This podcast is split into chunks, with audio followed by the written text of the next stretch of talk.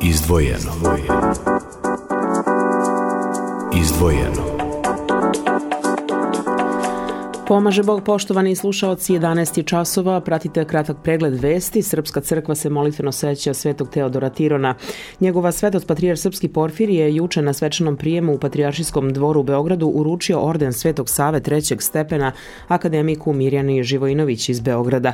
U odluci Svetog arherijskog sinoda, koju je pročitao visokoprepodobni arhimandrit Nektarije Đurić, glavni sekretar Svetog sinoda, navodi se da se visoko odlikovanje Srpske crkve akademiku Mirjani Živojinović dodeljuje u znak priznanja za celoživotno postojano opredeljenje za život u veri Svetog Save, naročito pokazan neumornim širenjem svetosavske misli i kulture svojim naučno-istraživačkim radom u otačbini i rasejanju.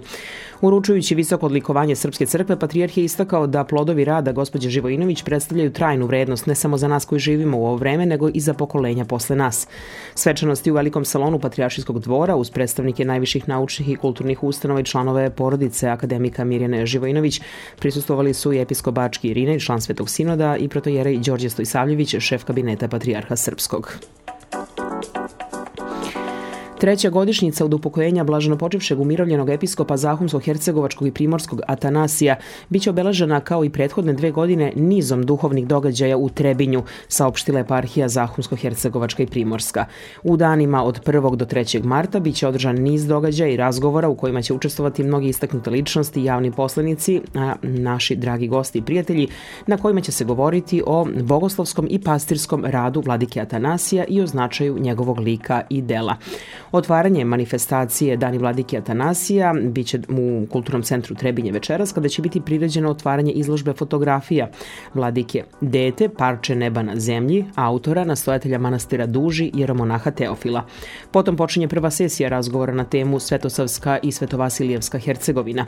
U subotu će u Kulturnom centru Trebinje biti predstavljeno drugo izdanje knjige Vladike Atanasija, Asketika, a potom održana i druga sesija razgovora na temu Ogledalo, zagonetka i ličnost.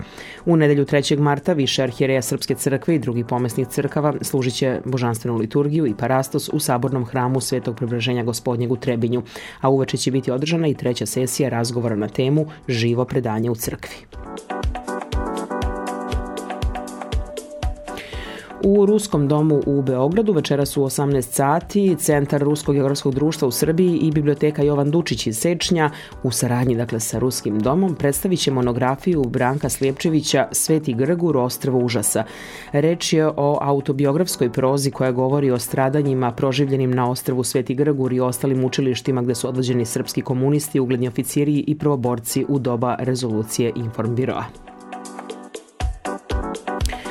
Povodom osnivanja misionarskog odeljenja Arhijepiskopije Verodsko-Karlovačke od strane Patrijarha Srpskog Porfirija, a zarad potrebe unapređenja misionarske delatnosti, gost jutarnjeg programa Radija Slovo Ljubve danas je bio Nenad Badovinac, kome je poveren odsek za elektronsku misiju.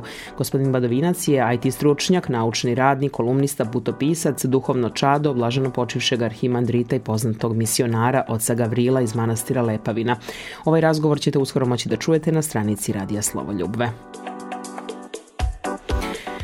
Danas vetrovito, u toku dana smanjenje oblačnosti, očekuju se i sunčani intervali i najviša temperatura do 18 stepeni.